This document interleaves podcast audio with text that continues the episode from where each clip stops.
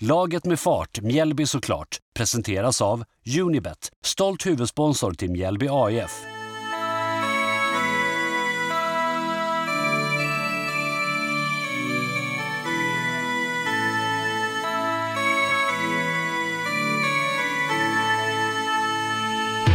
Varmt välkomna ska ni vara tillbaka till podcasten Laget med fart, Mjällby såklart. Mitt namn är Albert Sernevång, det är jag som är producent för denna podden. Jag har varit Mjällby-supporter så långt tillbaka i tiden som jag kan minnas och jag sitter här med Mikael Sernevång, trogen supporter sedan slutet 70-talet när Mjällby tog klivet upp i elitfotbollen.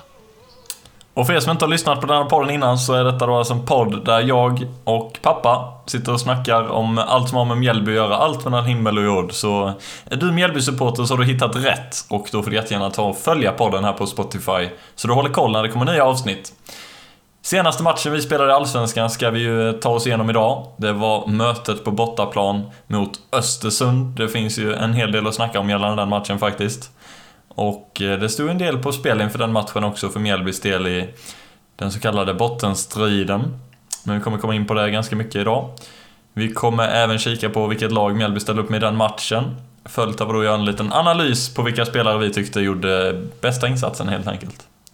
Vad tyckte du om du vill säga några korta ord om eh, bortamatchen mot Östersund? Nej, men jag vill köra här först nu igen för jag är så sugen! Sigge-sagge, sigge-sagge, oj, oj, oj! Sigge-sagge, sigge-sagge, oj, oj, oj! Sassa, brassa, mandelmassa, vi vill höra nätet rassla! Och det fick vi! Mjällby vann med 2-0! Vi spelar i Allsvenskan för elfte säsongen! 2022! Tjoho! Alltid samma tjut efter. Ja. ja, men vilken härlig känsla. Nu är det ju inte helt teoretiskt klart detta, men eh, till och med jag vågar ta ut att vi är klara för Allsvenskan nästa säsong. Mjällby ligger alltså på en tionde plats just nu och har 34 poäng. 6 poäng till godo på eh, Degerfors som ligger på kvalplatsen och 25 mål. Det betyder ju att Mjällby skulle kunna förlora sina två kvarvarande matcher med 6-0. Och även om Degerfors vinner sina med 6-0 båda så är ju Mjällby före med ett plusmål så att det känns ju som en helt omöjlig uppgift att det skulle bli på det sättet. Så att Mjällby spelar Allsvenskan 2022. Ja, det känns ju ganska säkert faktiskt när man säger det så. Eh, men det är ju inte helt teoretiskt klart, så man får väl egentligen fira som allra mest efter nästa match då förhoppningsvis. Ja, det blir härligt att komma ner till Strandvallen på måndag kväll och ta emot Örebro SK där. Så att mm. eh, då kan vi väl fira ut riktigt rejält på hemmaplan. Ja, det är ju skönt också att den matchen inte blir en sån betydande match. Man var ju rädd för det på förhand när man visste hur hösten skulle avslutas. Att det skulle bli Örebro, Östersund och eh, Varberg de sista tre matcherna. Det var ju tre matcher man trodde skulle bli väldigt avgörande, men nu är det ju klart redan nu då. Ja, det är riktigt skönt att man kan vara lite eh, avslappnad på de här sista matcherna och det är inte så mycket som står på spel med en kvalplats. Risk för det helt enkelt. Så att det, det känns bara helt underbart just nu. Ja, det är skönt. Men om vi då ska gå in lite på matchen här. Östersund på bortaplan, vad är din eh, tanke när jag bara nämner motståndarlaget? Jag tänker ju på vinter och eh, jag var väl inne på det lite i förra avsnittet med att hur de skulle bemästra det. Jag gissade ju 1-1. Du trodde ju på att Mjällby skulle vinna med 1-0. Och eh, ja, det blev ju en riktig parodi den här måndagskvällen. Eh, det inleddes ju med att matchen flyttades fram i 30 minuter på grund av att Mjällbys spelarbuss på väg till arenan eh, halkade av vägen helt enkelt. Dock inget eh, allvarligt men eh, det blev ju en försening. Och Torstensson sa ju att de åkte av vägen i, vad sa han, en halv kilometer i timmen. Ja, de stod nästan stilla då ju. Snacka om hal väg då. Ja, precis. Och det var ju riktigt snurväder i Östersund. Och på Jämtkraft Arena allra mest också. Och eh, planen var ju riktigt vit så man kan ju egentligen undra hur domaren tänkte när han blåste till spel för att efter 20 minuter fick man ju bryta matchen och eh, började skotta planen och den pausen varade ju i 65 minuter.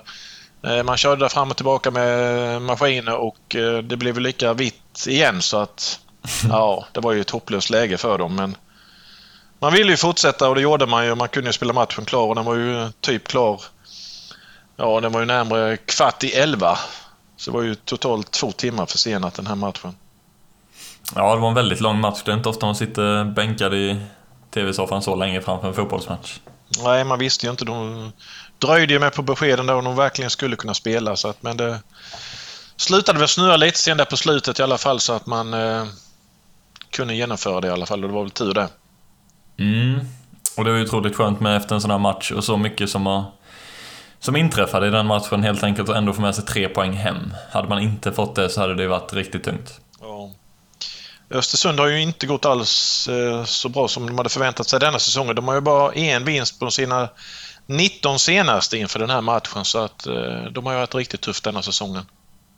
Ja, minst sagt. Och det, det lyckades vi utnyttja. Den trenden bröts inte utan eh, Mjällby fick med sig alla tre poäng hem till Listerlandet. Mm. Men visst, Östersundsspelarna i intervjuerna före matchen, de var ju taggade på det och skulle ju avsluta säsongen med tre vinster. Det var ju deras inställning så att det är klart man vill ju ändå försöka vända på den här dåliga trenden de har råkat ut för och eh, avsluta på ett snyggt sätt. Men eh, nej, de hade ju ingen chans egentligen i matchen och det, det blev ju mycket mer på grund av en utvisning man drog på sig i slutet på första halvlek, men vi återkommer till det. Mm.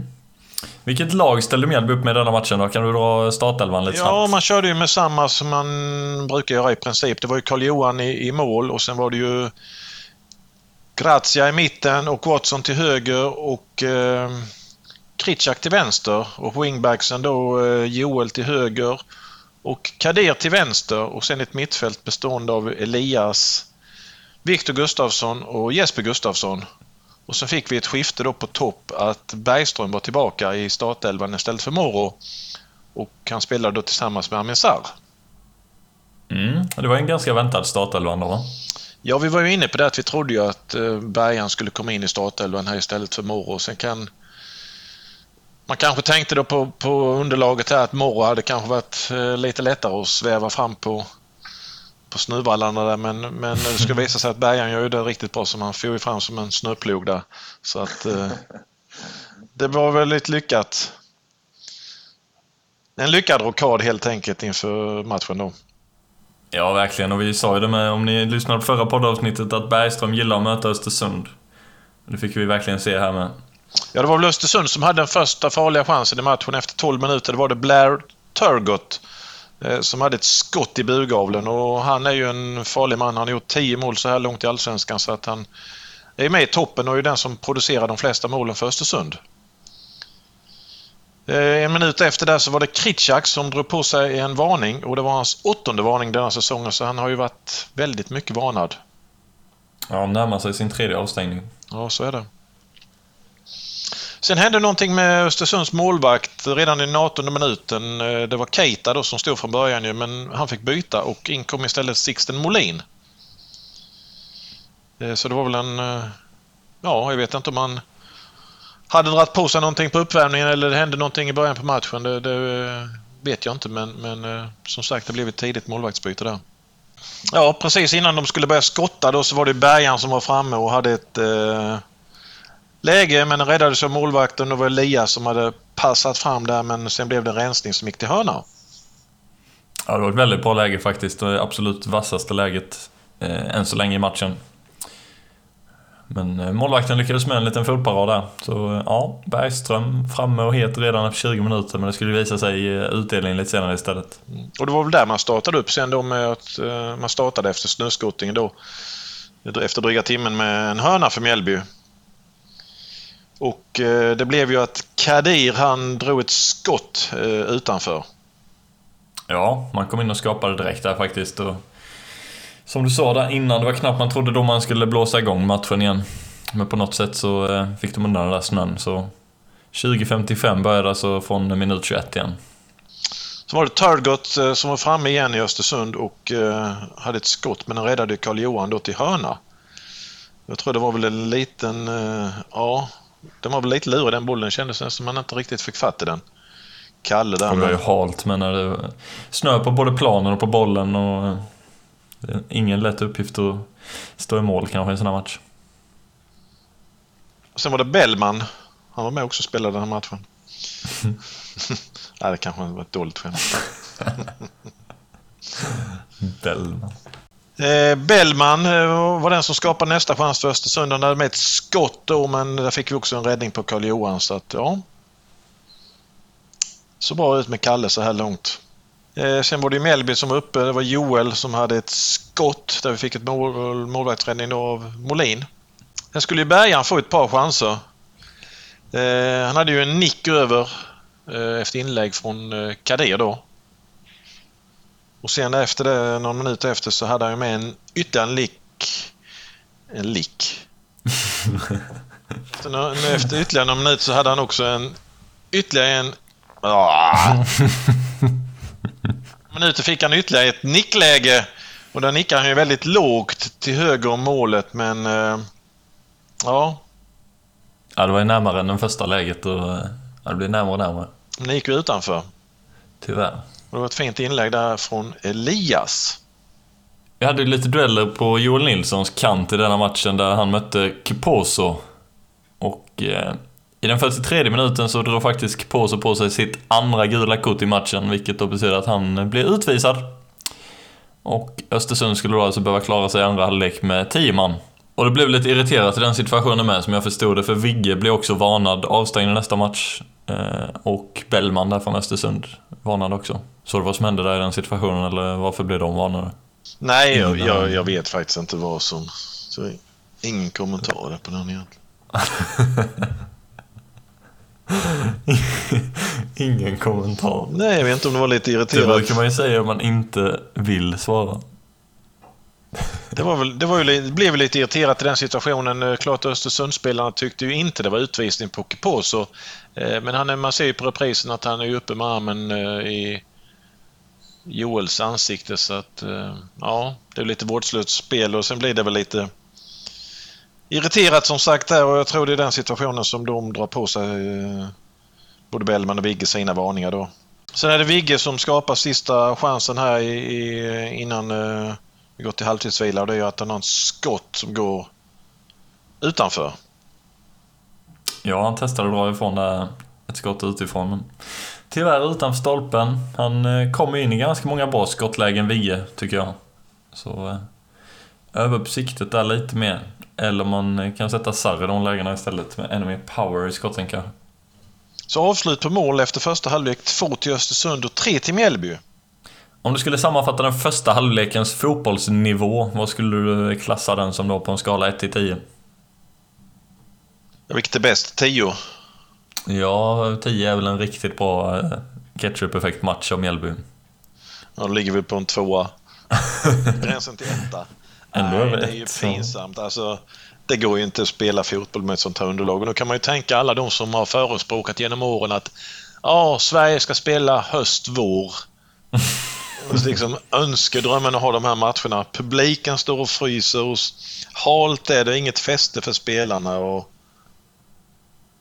Ett tjockt lager med snö på planen, men det underlättar absolut inte.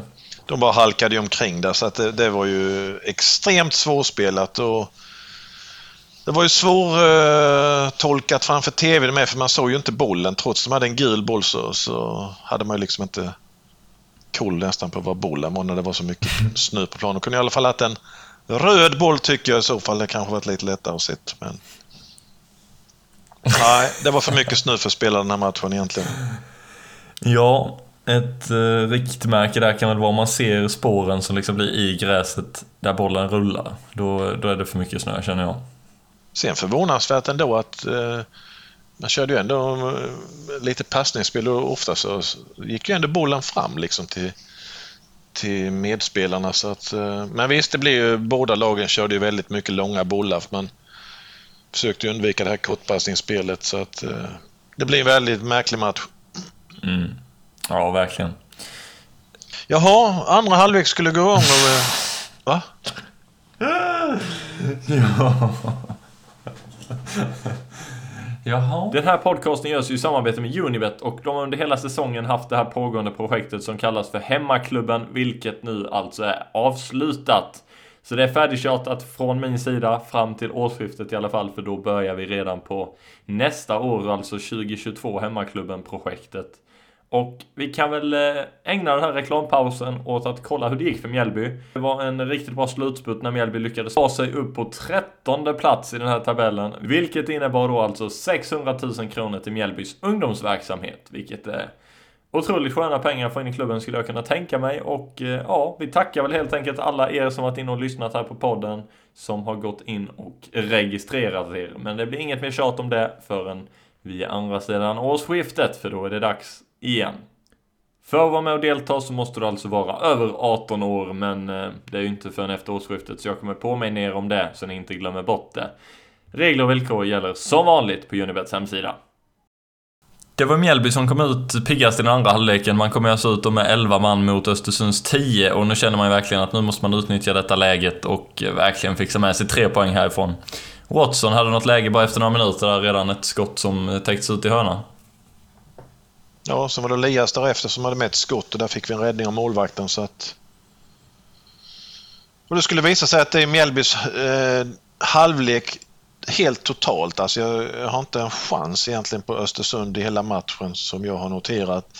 Eh, det blir ju ett enormt tryck mot Östersunds mål hela matchen. Och början här, det känns ju väldigt trångt i mitten. Man kommer ju inte igenom. Man bara tänker liksom, ska de lyckas här Mjällby till slut? Men eh, kör ju fast hela tiden egentligen. Mm.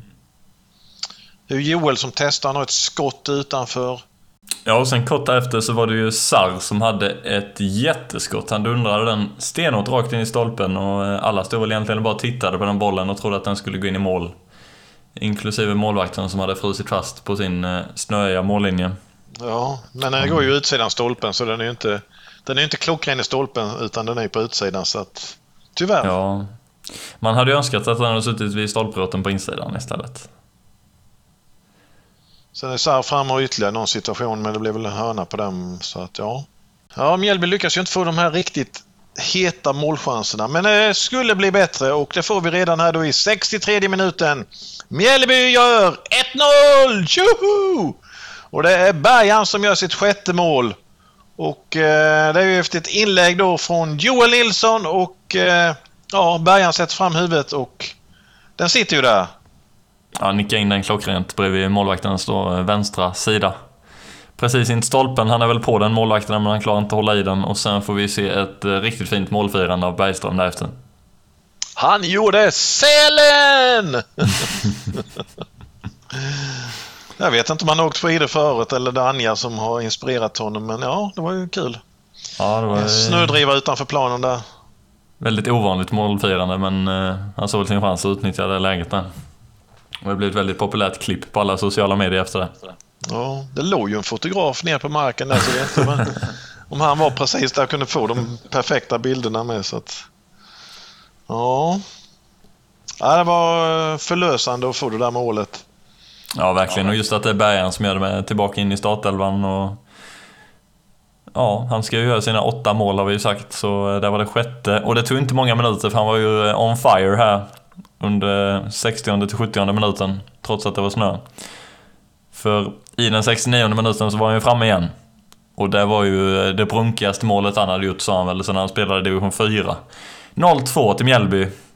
Jag vet inte ens hur han, hur han fick in den bollen i mål där. Vad, såg du vad som hände? Ja, det är först ett inlägg från Kadir och sen så blir det ju en miss av Östersunds back. Och Mjällby ropar ju på att det är hans, vilket det också syns att det är ju. Eh, men bollen går då till Grazia som... Eh, ja, det är inte mycket skott men han får ju ändå till den så att den går på en annan back som stöter ut den och där står ju bärgaren liksom eh, bara en halv meter, en meter från mållinjen då. På något sätt trycker dit den så den bara rullar över mållinjen så att ja, härligt! 0-2. Ja, han gjorde alltså sitt sjunde mål där vilket gör att han är med i den där interna skytteliga-striden som vi snackade i förra avsnittet om. Han är absolut en kandidat till att ta hem den helt plötsligt. Ja, Sarr har ju lika många då, sju. Mm. Och sen jagas de av Morro med så att ja, det blir en kamp mellan de tre. Och Joel Nilsson är inte allt för långt efter han heller, vad har han? Fem? Eh, så är det ja. Mm. Ja, sen efter målen där så är det ju Joel med som är framme och testar eh, ett skott men det blockas så att... Eh, ja, det blir inget av det. Eh, sen till spelarnas förtvivlan så blir det ju snöskottning ändå i 75 minuten. Det kände man riktigt att de inte riktigt glada för att gå av planen en gång till. Men så blir det. Det var helt enkelt för dåligt underlag där på slutet så att domaren ville väl inte riskera att chansa. Fortsätta. Det är ganska stor skaderisk att spela på sånt underlag med. Alltså både för domarens säkerhet och spelarens säkerhet. Plus att domaren måste ju se linjerna, tänker väl jag. Att, det var nog det som var avgörande kanske. Det var ju som det var en, hel, alltså det var linje över hela planen för allting var ju vitt ju så att... Dålig planskötare som hade kritat hela planen. Nej, vi ska väl ge en eloge till, till planskötarna. De kämpade ju verkligen där. Snöskottningar och skyfflar och ja, de gjorde vad de kunde. Ja, matchen kunde ju trots allt spelas färdigt, men eh, precis då när matchen skulle startas om igen så gjorde Mjällby ett trippelbyte. Plockade ut Ivan Kritschak, Viktor Gustafsson och Sar de valde att sätta in Wörts, Morro och Blomqvist. Många i publiken, jag tror de valde att gå hem här i samband med att det blev ett avbrott. Eh, men det var faktiskt hela 1249 åskådare och åtta stycken sillastrypare som stod och snurrade tröja, i alla fall tror jag fem av dem och, och sjöng och hade roligt. Så att, eh, ja. Ja, de fick ju en ordentlig fotbollsupplevelse där. En eh, sjukt lång fotbollsmatch fick de ju se. Vad blev den? Över tre timmar va? Ja, det blev det ju. Sen är, känns det som att matchen spelas ju mer eller mindre av här. Det är ju Mjällby som har eh, ett antal hörnor. Eh, det blir ju inte mycket som händer på dem utan man bevakar väl detta på ett smart och bra sätt egentligen här och ja, Östersund skapar ju som sagt ingenting. Eh, Mjällby har ytterligare två byten. Man tar ut eh, Joel och sätter in Herman Johansson. Det är man fram emot i fjärde minuten och sen får vi också ett byte ja, nästan precis när det ska sluta 91 minuten för det är faktiskt på en tilläggsminut så att då tar man ut eh, Kadir och sätter in Noah Persson. Ja, det enda man hoppades på på i slutet av matchen var väl att Bergan skulle kunna få dit ett hattrick, men... Eh, nej, som du sa, det hände inte alls mycket i slutet på matchen, utan man var ganska nöjda med 0-2 ledningen och tre poäng. Detta betyder med då att eh, Östersund faktiskt har blivit nollade mot Mjällby eh, alla de här fyra mötena man har haft i Allsvenskan förra säsongen då och denna säsongen. Så att det är ju lite anmärkningsvärt med att Östersund inte har kunnat gjort noll på Mjällby på fyra försök. Eh, chanserna i andra halvlek slutar då eh, inga för Östersund och tre för Mjällby. Så totalt då 2-6 som sagt, en tionde placering eh, har man nu i tabellen och eh, man har ju så här långt då åtta segrar, tio oavgjorda och tio förluster. Jag tycker den raden hade blivit eh, lite snyggare om man nu hade avslutat med två vinster och då fått 10, 10, 10 och tagit eh, 6 poäng till och kommit upp i hela 40 poäng. Eh, man kan ju inte avancera sådär jättemycket men man skulle ju kunna komma upp på en åttonde plats som bäst. Eh, och som sagt i fjol var man ju femma då som nykomling så att dit når vi ju inte i år men ytterligare ett par placeringar. Man har gått förbi både Varberg och Sirius nu då i och med detta. Mm. Ja, det är absolut inte omöjligt för sex poäng till. Det är väl eh, det man satsar på såklart. Avsluta snyggt och vinna två matcher till och jag tror alla spelare är taggade på att gå in och göra en riktigt bra match mot Örebro nu. Det är ju Lant som kommer tillbaka till Strandvallen i den matchen bland annat. Ja, vi får se om han vill ställa upp en intervju efter matchen. Mm, ja. Ska du intervjua honom om du får chansen? Ja, vi får se läget, vad som ges. Ja, men Lantz gjorde ju en kanonsäsong med Mjällby i fjol så att han är ju kung ner på Strandvallen. Det tycker jag absolut. Och sen det uppdraget han tar på sig att gå in och träna Örebro. Jag tror han tog över när det var, kan det ha varit åtta matcher kvar? Ja, något sånt. Det kändes ganska uppgivet redan då. Jag vet inte, har de fått några poäng egentligen? Eh, inte många i så fall. Eh, det är ju tufft att, att ta sånt uppdrag eh, när det har gått så dåligt. Sen, sen är det förvånansvärt att det har gått så dåligt för dem för de har ju många bra spelare i laguppställningen helt klart men de har inte fått ihop det helt enkelt. Nu är de ju jättemånga värvningar i somras med. Det var väl eh, ett av de lagen som gjorde kanske det mest förvånansvärda transferfönstret och fick in Jiloan Hamad och tillbaka med Besara och... Det var ju spelare som verkligen skulle lyfta Örebro och inte var i närheten av den bottenstriden i slutet på säsongen, trodde de ju. Och de har ju varit Allsvenskan hur länge som helst. Känns ju konstigt att de är det laget som lämnar Allsvenskan. Men det är ju det, man tar väl de bokstavsordning så det är de Ö-lagen som åker först om man säger man sorterar upp det, tabellen. Sant, de började ju faktiskt där i, innan säsongen började. Men ska vi prata lite eh, insatsen här med laget? Ja, men det tycker jag. Vi kan väl börja i målet. Karl Johan, han hade inte mycket i andra halvlek, men vad säger du om hans insats i den första? Ja, men han tar ju de få chanserna som eh, Östersund har så att... Eh, med lite problem i och för sig som vi sa, men det var ju inte lätt. Eh, förutsättningarna var ju nästan omöjliga egentligen att kunna spela en match som sagt i detta väder. Men, eh, ja, men han är godkänd. Håller man nollan så är man godkänd ju. Han skrev väl att han tyckte det vädret var ganska bra. Han kände sig som hemma. Eh, på Okej, Instagram. kan- Kanske var med sånt. Ja, han gillade att det var snö och kallt. Och... Allra helst att de tog tre poäng gillade han ju. Om vi istället kikar på backlinjen då. De fick ju en eh, rejäl utmaning i denna matchen. Både kunna styra laget och eh, ja, på något sätt starta det där passningsspelet som inte var så lätt i en sån här match. Ja, men de är ju godkända tycker jag alla tre. Alltså, det är ingen som sticker ut mer än den andra. De, de, det blir ju väldigt dominans av Mjällby matchen så de sätts ju inte på några större prov egentligen. Eh, Visst det är lite eh, några skott i, i första halvlek som sagt men eh, nej, jag tycker det, det ser stabilt ut. Mm. Joel Nilsson gjorde ju en bra match skulle jag vilja säga. Vad säger du om hans insats? Ja, han var ju väldigt aktiv i matchen. Han hade ju många skott och var ju även den som passade fram till Bergan då på första målet. Mm, en assist ins på hans konto då och eh, om vi istället kollar över på andra kanten till Kadir Hodzic, han var också inblandad i mycket både offensivt och defensivt tänkte jag säga, men det var inte så mycket defensivt för honom den här matchen. Ja, men det var godkänt på hans position med. Mittfältarna, det gjorde ju det bra alla tre tycker jag. Jesper springer mycket, Vigge springer mycket och Elias Andersson springer mycket och försöker styra hela spelet egentligen. Det är mycket som går via honom hela tiden och det har vi ju sett i alla matcher sedan han egentligen kom till Mjällby i somras. Och eh, ja, han har ju riktigt bra kvalitet på det han gör. I en sån här match är det ju otroligt svårt, han satte sig på prov ordentligt men på något sätt så skapar man ändå de här två lägena som blir till mål. Så eh, en spelare som däremot gjorde avtryck ordentligt i denna matchen var Jakob Bergström. Han kan man ju inte säga tillräckligt om i den här matchen. Han gör ju en riktigt bra insats och visar var skåpet ska stå. Ja, jag tycker det är ju matchens lirare i Mjällby verkligen att han...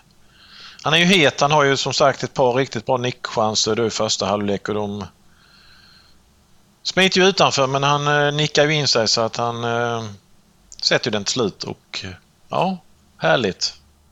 Jag har blivit tvåmålsskytt i en sån här match. Visst, han sa det med att det kändes som att han var tillbaka i division 4. Och det var inte jättelänge sedan han spelade i division 4 så han kanske tyckte att det kändes lite som hemma fast att det var borta. Han blev även uttagen i Discoverys omgångens 11 och det förtjänade han ju absolut. Men eh, vad säger du om Sarr då? Ja men Sarr, jag tycker visst han är ju godkänd. Han har ju håller sig framme i ett par chanser och ja. Sen eh, får jag inte till att han sätter någon denna gången men eh, det är ju inte det viktigaste vem som gör målen. Det viktigaste är att laget vinner. Sen blir det ju alltså det är väldigt svårbedömt tycker jag. Eh, eh, det, detta blir ju liksom inte en normal match heller på det sättet med det underlaget man har så att eh, här handlar det mycket om att kriga och lyfta många långa bollar och Ja, på tal om Amin Sarr, han är ju inlånad denna säsongen ifrån Malmö FF. De har ju gått väldigt bra och spelat i Europa, där gick det väl däremot inte lika bra. Men de har ju hittat sin eh, guldanfallare i form av Colak. Och den positionen kanske är svår att ta då från eh, Amin Sarr. Vad tror du, är han kvar i Mjällby även nästa säsong, Amin Sarr? Han verkar ju trivas. Ja, men det är som du säger, det, det är ju så och eh, jag kan nog tro att han skulle kunna stanna i Mjällby ett år till. Det är Istället på något sätt ändå den speltiden som är det viktiga för honom. Han är fortfarande väldigt ung. Han är väl bara 20 år va, så att eh, det är viktigt att han eh, får vara med så att säga och spela och utvecklas än mer. Så att, eh, ja, jag tycker det är en bra spelare. Så att ser vi gärna att han är med även nästa säsong i Mjällby. Mm, vi har inte haft möjligheten att intervjua honom så många gånger. Vi har väl haft honom på listan ganska mycket. Men inte fått till så många intervjuer. Jag intervjuade honom i första matchen när han gjorde Mjällbytröjan i Göteborg borta. Och då var han väldigt glad och eh, nöjd och trivdes bra i gruppen och sådär. Men sen har vi inte kunnat snacka med honom sen dess väl. Nej, jag hade ju på gång då efter Sirius-matchen när han gjorde det här snygga målet utifrån, när han gjorde 2-0. Sen blev det ju väldigt deppigt. Alltså det är väldigt svårt att få spelarna till att vilja ställa upp på intervjuer, vilket de är dock skyldiga till att göra. Men, men eh, efter förluster så är det aldrig roligt och det blir väldigt deppigt. Och, eh, ja, han fastnade väl i bastun den matchen med efter det, så jag, jag kunde liksom inte stå kvar längre och vänta på honom heller innan han kom ut. Så att, eh, ja, han var ju med på min lista, men ja, det tog för lång tid helt enkelt. Får försöka få en intervju med honom efter matchen mot Örebro då, vilket är eh, säsongens sista hemmamatch Vad tror du om eh, någon eventuell publiksiffra nu i sista hemmamatchen? Ja, det verkar bli kallt så att eh, det är ju liksom inte det idealiska fotbollsvädret. Men eh, vad jag har sett så har de ju sålt 2000 biljetter så att det är ju ändå positivt. Jag kan ju tycka då att alla supportrar att de tar sig till Strandvallen så att vi kan hylla Mjällby på hemmaplan att de har lyckats med den här bedriften faktiskt. De låg ju väldigt illa till här i somras men de har gjort en väldigt fin höst och att vi får se allsvensk fotboll på Strandvallen även 2022. Mm. Ja, det, det kändes tungt där i somras, men vi trodde ju ändå på det. Både du och jag och väldigt många andra. Särskilt då när Anders Torstensson kom in också och tog över. Man fick ju en väldigt bra effekt direkt där, så... Ja, en höst man inte kan klaga sådär värst mycket på faktiskt. Grazia måste man säga. Nej, Grazia. Eh, Gracia. Vad ska vi kalla han? Vi pratar Grazia kanske ändå. Gracia. Gracia. Mm. Och att Grazia kom in till Mjällby med det betyder ju oerhört mycket för den stabiliteten vi har fått i backlinjen. Det har ju klart Jag fattar inte hur Hasse hittade honom. Nej, man kan ju tycka att han borde egentligen spela på en högre nivå. Han har ju kontrakt med Mjällby även nästa säsong så att eh, det blir spännande att se om vi lyckas behålla honom. Annars är det väldigt mycket nu att eh, rykten hit och dit, eh, att spelare är på gång till andra lag och ja, en av de som mest pratas om så är det Joel men det sägs ju med att han har ett kontraktsförslag på eh, att stanna i Mjällby. Jag ser ju helst med att han blir kvar för vi vill ju gärna ha de här lokala spelarna med eh, riktigt bra anknytning till själva Mjällby AIF. Som eh, en grundstomme liksom med de liksom, vi kallar de egna produkterna för närområdet. Mm. Ja, det är ändå det Mjällby alltid satsar på, ha så många som möjligt från i närområdet då. Eh, men visst, får man chansen att sticka till exempel till Hammarby då, som det har varit snack om för Joel Nilsson, så kan jag ändå förstå att man tar den chansen. Mjällby är ofta en språngbräda för många spelare att nå ut till större klubbar i Sverige eller ute i Europa, men eh, jag är väldigt imponerad över Hasse där. Jag måste säga det en gång till, att han hittade Carlos, så var det i polska andra ligan eh, som han sprang runt och spelade fotboll. Ja, det är kanske inte där man letar i första hand.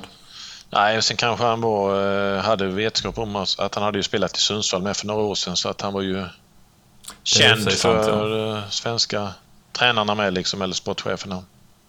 Ja. Så han var inte okänd och han hade gjort det bra där ju så att... Om vi nu då siktar in oss på denna matchen mot Örebro på måndag. Vad tror du om eh, mittfältet då? Vilka kommer starta? Vigge är ju avstängd med det gula kortet nu mot Östersund. Jeppe lär ju vara med i startelvan och Elias skulle jag ha svårt att se bli bänkad. Vem tror du blir den tredje pjäsen på mitten där? Svårt att säga, men, men nu har ju Torstensson egentligen sagt att om Mjällby skulle säkra kontraktet så har han ju gått ut med och sagt att han skulle sätta in eh, Eh, många yngre spelare i de här sista matcherna. Så jag tror det kommer bli många rockader om man nu ser det liksom att, att de här, även matchen mot Örebro liksom är att den inte har någon betydelse. Sen, sen samtidigt tycker jag det är ändå viktigt att vinna de här placeringarna i tabellen för jag vet ju det handlar ju om ekonomi med att eh, säkert ganska mycket pengar som står på spel eh, om man får en åttonde placering eller man kommer eh, trettonde. För det är väldigt tajt här eh, kring många lag så att jag hoppas ju att man liksom går med det bästa laget eh, mot Örebro men, men eh, vi kan ju få se en del byten, det tror jag nog att vi ser i startelvan. Och det är mycket möjligt kanske att Samuel Brolin ska få komma in här nu och stå de två sista. Jag vet han har ju sagt innan att han inte skulle flytta på Karl Johan men samtidigt har ju eh, Samuel inte spelat mycket heller på eh, sista tiden så att jag kan nog tänka att det blir en hel del rockader ändå i laget. Så för att återkoppla till frågan, vem tror du, vem tror du blir den tredje pjäsen på mitten då? Glömde jag svara på frågan. Nej men det tror jag i så fall. Går man med bästa laget här så ska ju Andreas Blomqvist in i, i startelvan. Uh, Ado uh, har kommit lite utanför mig nu på slutet och ja. Så att jag, jag visar väl på Andreas Blomqvist då. Jag slår till med en annan gissning då faktiskt. Jag tror att eh, man ger chansen till eh, Bagans son Otto Rosengren. Han är en spelare som eh, Torstensson har berömt jättemycket på träningar och han har ju faktiskt inte fått chansen. Så jag tror att eh, han kanske kan få hoppa in där i den matchen faktiskt. Antingen i startelvan då eller bli inbytt. Jo, har man sagt att man ska ta in de yngre så måste man ju liksom då visa det med att man verkligen gör det. Ja. Vad tror du annars? Backlinjen lär ju vara densamma. Karl-Johan tror jag faktiskt får stå kvar. Eh, han, han har gjort alldeles för bra för att inte få stå kvar, som vi har sagt så många gånger förut. Eh, och anfallet... Ja, jag tror det är svårt att flytta Bergström nu efter den förra matchen också. Han vill, han vill vara med och spela fotboll. Han vill göra sitt åttonde mål på hemmaplan, tror jag. Jo, men jag tror nog att man kör med, med Bergan på topp tillsammans med Sarr i starten och sen ger man väl chansen att Moro kanske med får komma in lite mer i, i den matchen. Jonsson är ju skadad så han lär ju inte vara aktuell. Jag vet inte om det finns någon annan yngre förmåga där som man skulle kunna plocka upp då från U21-laget. Det är väl Herman Johansson som spelat lite anfallare. Jag vet inte, han har väl mer varit wingback i A-truppen i alla fall. Ja, han har gjort det bra när han har kommit in tycker jag så att eh, det kan vara mycket möjligt att han också får starta denna matchen. Oavsett vilket lag Mjällby ställer upp med den matchen så vill vi se tre poäng eh, till hemmalaget, tycker jag. Vad vågar du på dig att gissa för resultat? Ja, men innan du säger din gissning så ska jag säga 3-0 till Mjällby, för jag ska ta din gissning denna gången. Åh, oh, men det är alltid min innestående gissning, så den är redan med. Oh, så vi gissar samma? Med på det. Ja. Ja, men det vore väl fint om man kunde avsluta med en 3-0-seger på hemmaplan. Den här podcasten görs ju i samarbete med Unibet som ni alldeles säkert redan känner till vid det här laget. Och om man går in på unibet.se allsvenskan så hittar man alla spel som har med just allsvenskan att göra. Blickar vi då framåt mot nästa omgång där vi möter Örebro på Strandvallen. Då är oddset för hemmaseger 1,44, att det blir oavgjort 4,85 och att bortalaget Örebro skulle skrälla och vinna hela 8 gånger pengarna. Så kom ihåg, för att vara med och delta så måste du vara över 18 år. Regler och villkor gäller som vanligt och stödlinjen.se finns alltid öppen. När man tittar på de senaste tio matcherna, om man tittar på formen så är ju Mjällby faktiskt fyra. Man har tagit 18 poäng. Eh, och eh, där ligger ju Örebro sist med fyra poäng så att... Nej men självklart ska vi gå för en trea på måndag. Så är det ju. Absolut. Det ska vi se till att lösa. Men eh, det kommer väl vara allt för idag. Jag tror vi sätter punkt där. Jag ska bara säga en grej till. Sigge Sagge Sigge Sagge oj oj oj! Allsvenskan, allsvenskan, allsvenskan. 2022, 2022, 2022. Jobbigt årtal. Ja, med den finsången så tackar vi för att ni har lyssnat på dagens poddavsnitt. Vi ser fram emot att uh, höra ännu mer Sigge efter uh, hemmamatchen mot Örebro. Men tills dess så får ni ha det bra. Vi hörs i nästa post... Påsk. Vi hörs till påsk. Vi hörs i nästa poddavsnitt. Glöm inte att följa podden här på Spotify så ni får reda på när det avsnittet dyker upp. Men eh, någon gång efter matchen mot Örebro så eh, ska vi även försöka få med lite spelarintervjuer i den podden. Men eh, ja, på återhörande. Tjena! Ha det gött! Vi syns på vallen! Hej!